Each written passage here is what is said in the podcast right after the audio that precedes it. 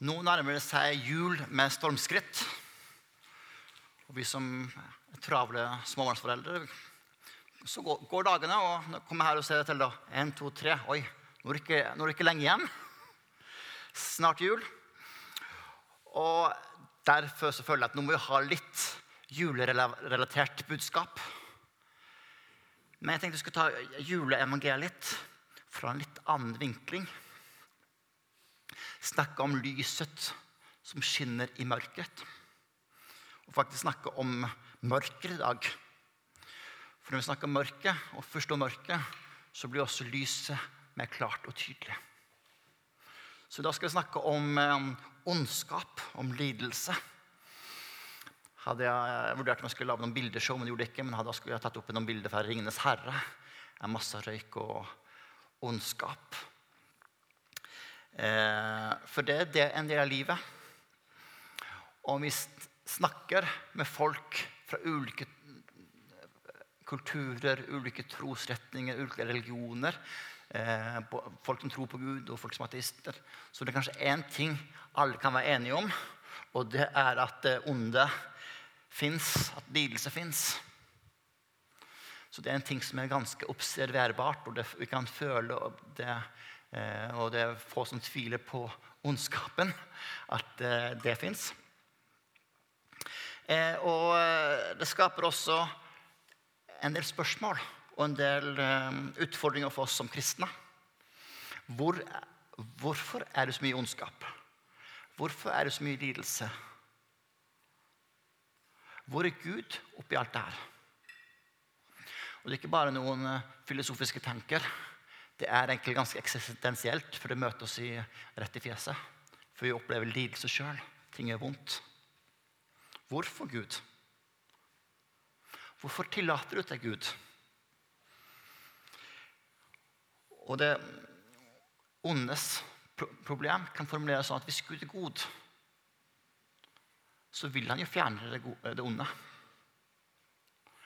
Og hvis Gud er allmektig, så kan han jo fjerne det onde.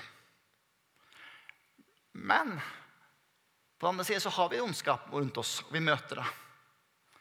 Så hvordan kan Gud være både god og allmektig? Og for oss da som tror på en god Gud og en allmektig Gud, så er det en utfordring en paradoks. Kanskje en av de største utfordringene og grunnene til å tvile på Gud. Og dette har vært et filosofisk problem faktisk før kristen tid. Greske filosofer holdt på å tenke på dette her og formulerte dette i år 300 før Kristus. Så det er, eh, problemstillingen er gammel. Og ikke bare kristen. Det er eh, alle religioner og livssyn å forholde seg til ondskap. Og Vi kan også lese i Gammeltestamentet, spesielt Jobbs bok, som kanskje er en av de eldste bøkene i Bibelen.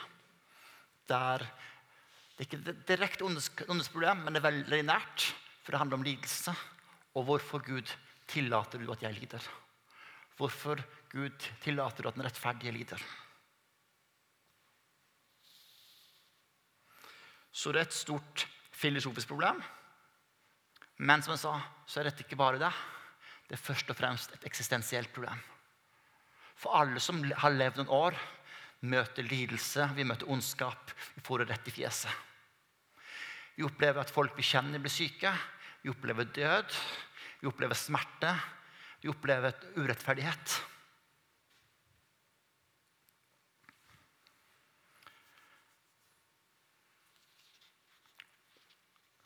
Ungene Nikolai lærte seg å si mamma og pappa ganske raskt. og en del andre ting, Men det var ikke så gammel han var for han lærte å si at det er urettferdig.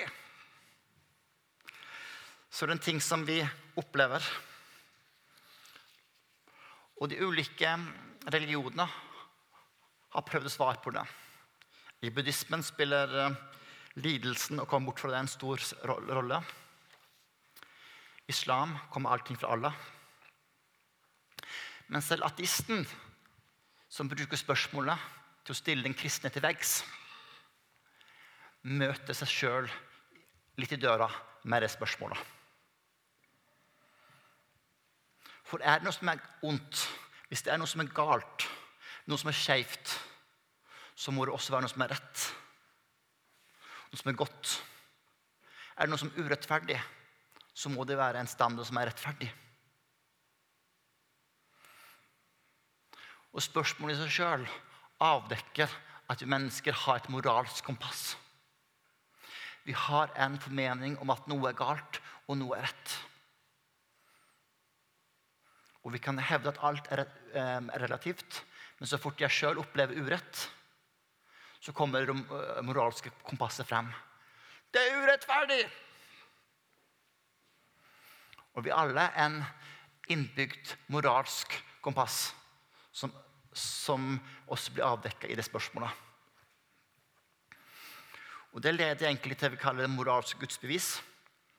Hvis det fins noe som er rett og galt, så det må, også, må det også være en moralgiver.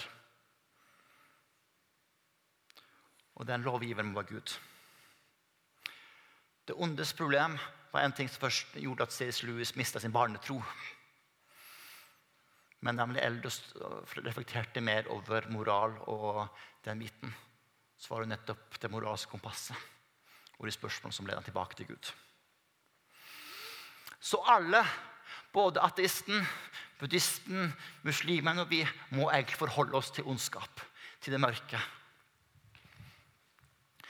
Og, hvordan, eh, og For oss er det en ekstra utfordring, for vi tror på en allmektig Gud.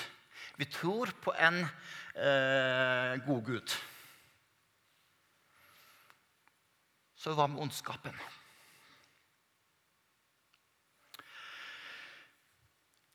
Måten spørsmålene er satt opp på,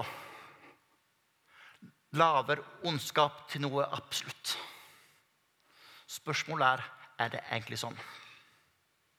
Er det onde noe absolutt? Eller er det faktisk noe midlertidig?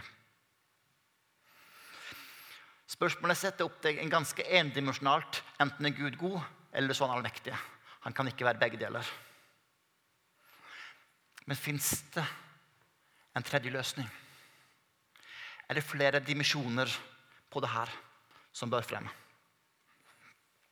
I matematikken så har vi eh, eh, så, så, så, begynner man på slutten av barneskolen begynner på ungdomsskolen, å regne med x, ligningen med x.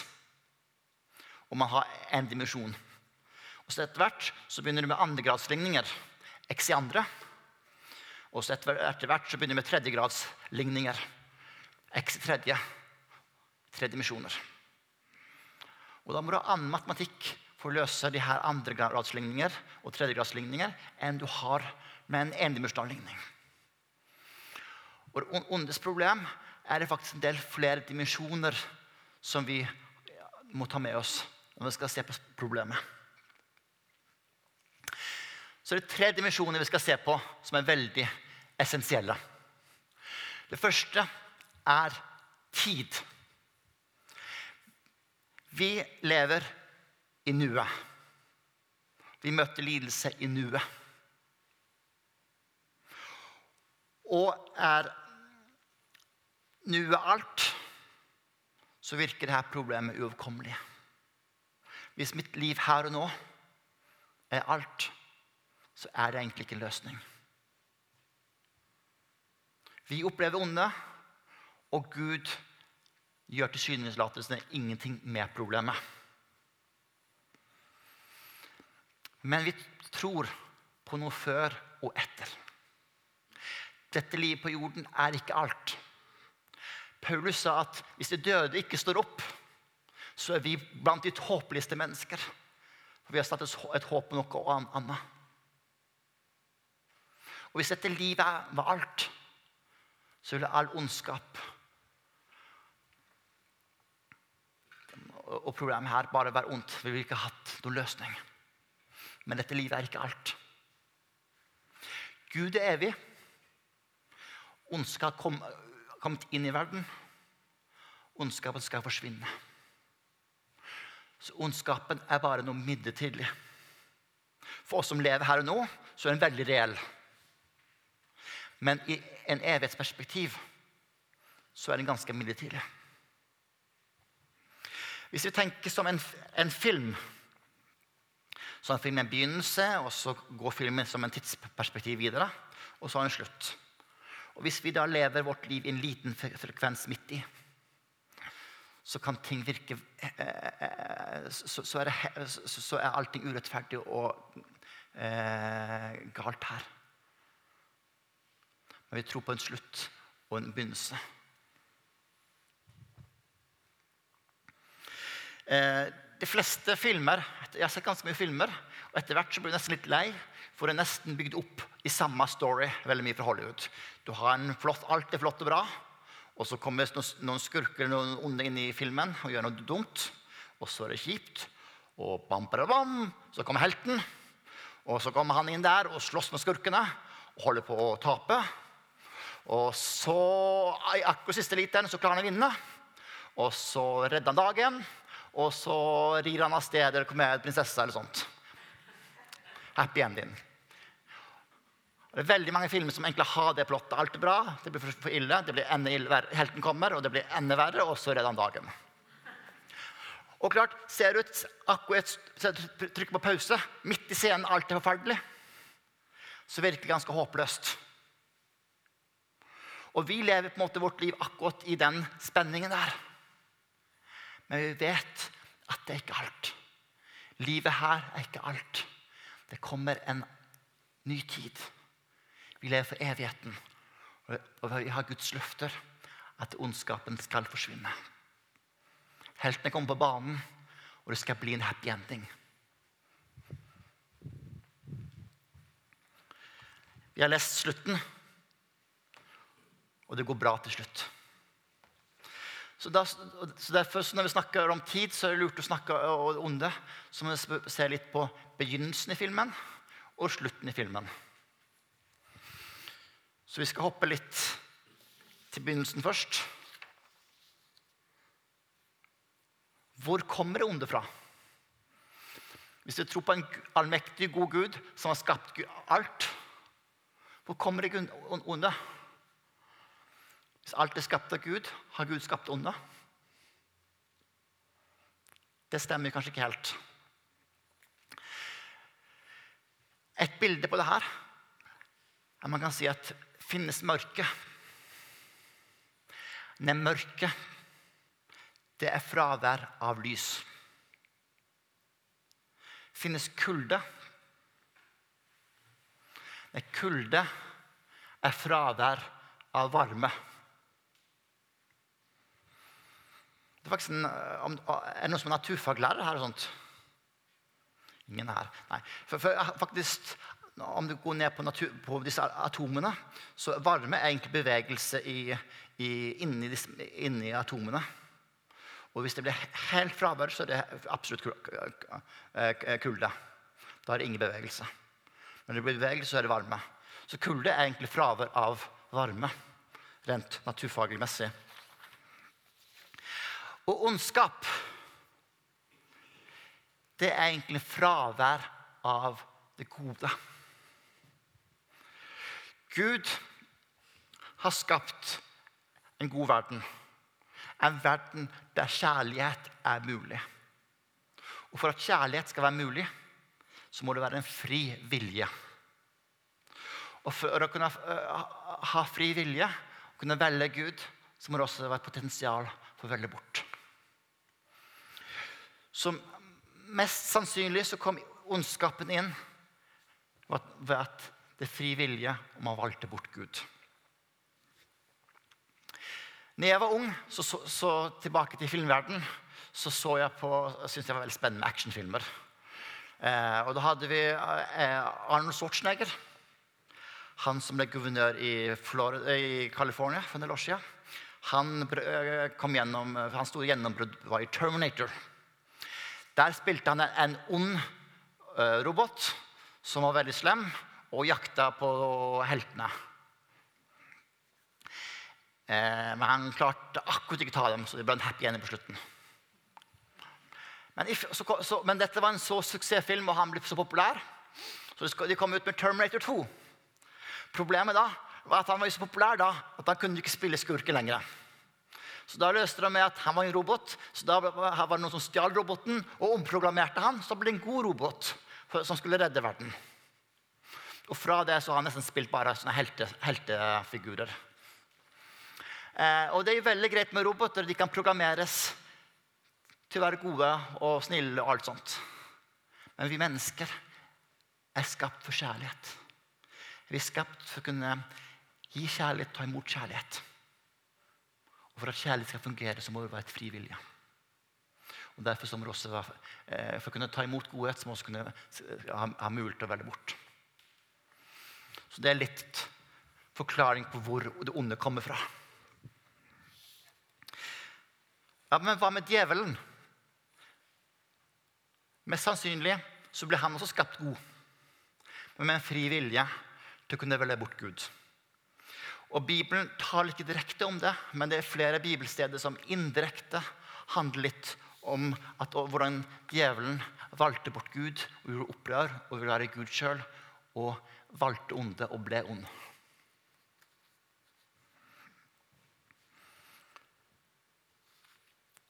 Så det onde kom inn i, i verden, ikke som noe absolutt, men som noe midlertidig. Og Så kan vi lese slutten av boka. Blar vi helt i åpenbaringene, så ser vi at eh, Gud han har lovet å rydde det onde helt ut. Og Det er egentlig det evangeliet handler om. Guds plan for å redde verden, for å fjerne onde og komme med sin happy ending. I åpenbaringen 21,4 står at han skal tørke bort hver tåre fra deres øyne og døden skal ikke være mer. Heller ikke sorg og skrik og smerte. For det som en gang var, er borte. Så, det er vårt håp. At Jesus kommer tilbake, så vil han e- ende ondskapen for alltid.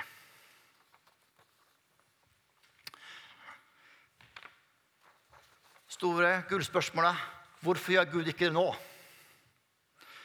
Jeg har fire barn. Hvis jeg ser at de har skikkelig vondt, så har jeg lyst til å gjøre det jeg kan for å få bort smerten. Du har lyst til å trøste dem, du har lyst til å ta bort det vonde. Hvorfor tar ikke Gud bort det vonde nå? Hvis han er en god far. Det kommer inn den, da vil jeg introdusere andre misjon. Ondskap er et eksternt problem, men det er primært et internt problem. Onde er der ute, men det er også der inne. Vi alle syndere. Vi alle kommet oss bort fra Gud. Så Gud kunne fjerne alt det onde sånn, men da ryker du og jeg også. Og Gud har en bedre plan. Så problemet er ikke der ute. Jeg er del av problemet.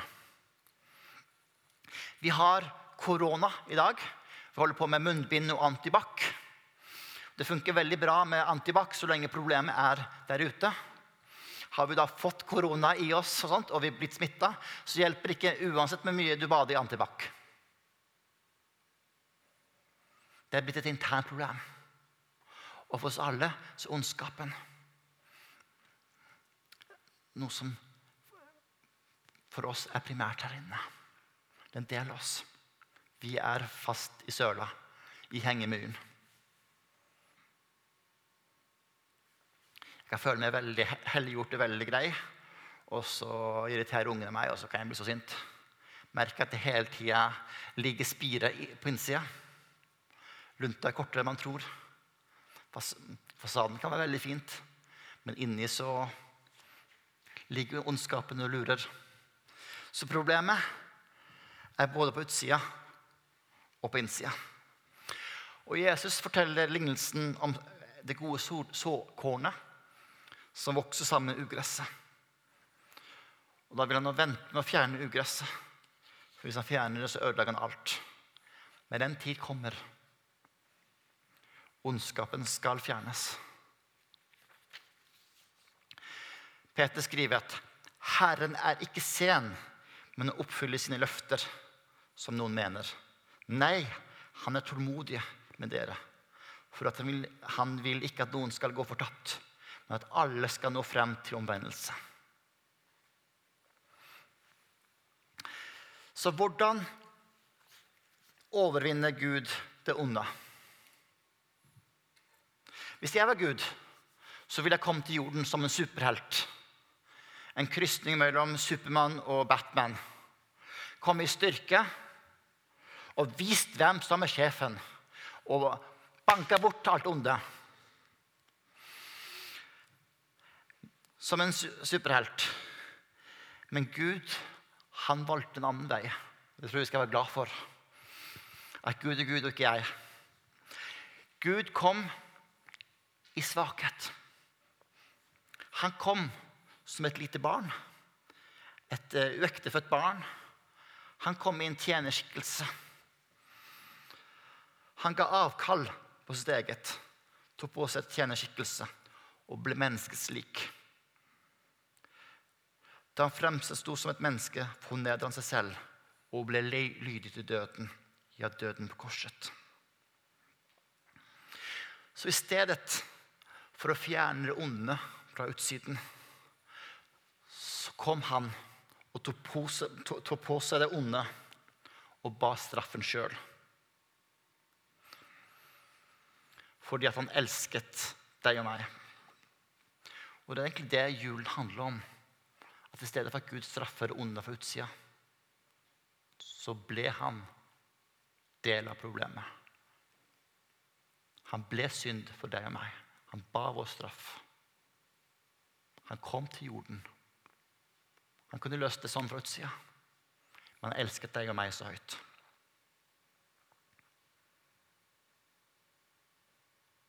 Han fjernet ikke mørket for å skal fjerne deg og meg også. Men kom inn i mørket og ble et lys som skinner i mørket. Og tok mørket på seg. Han kom i svakhet. Men jeg skal komme tilbake i styrke. Og vi lever nettopp i en spenningen mellom det. Vi lever i en spenning en periode at Jesus har kommet som Guds lam. Og han lyser i mørket. Men han kommer tilbake som kongen, som løven. Skal fjerne all mørket. Og midt i den spennende perioden lever du jeg nå.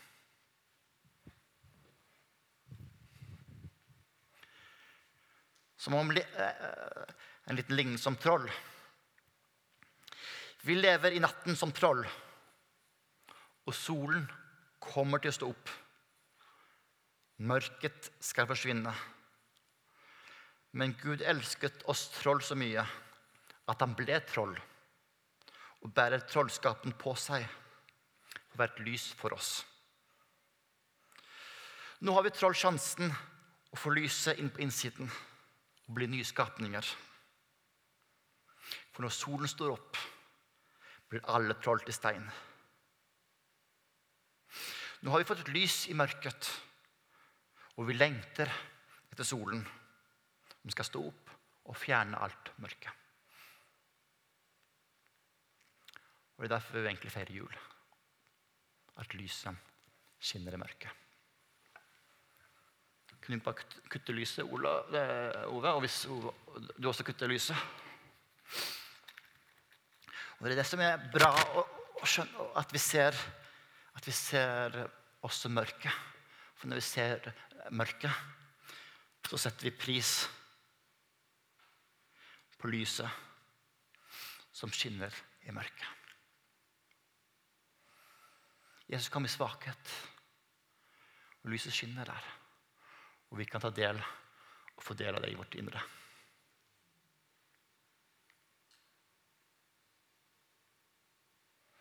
Så kommer dagen da solen står opp og alt blir lys. Men la oss jobbe, arbeide frem til da. Amen.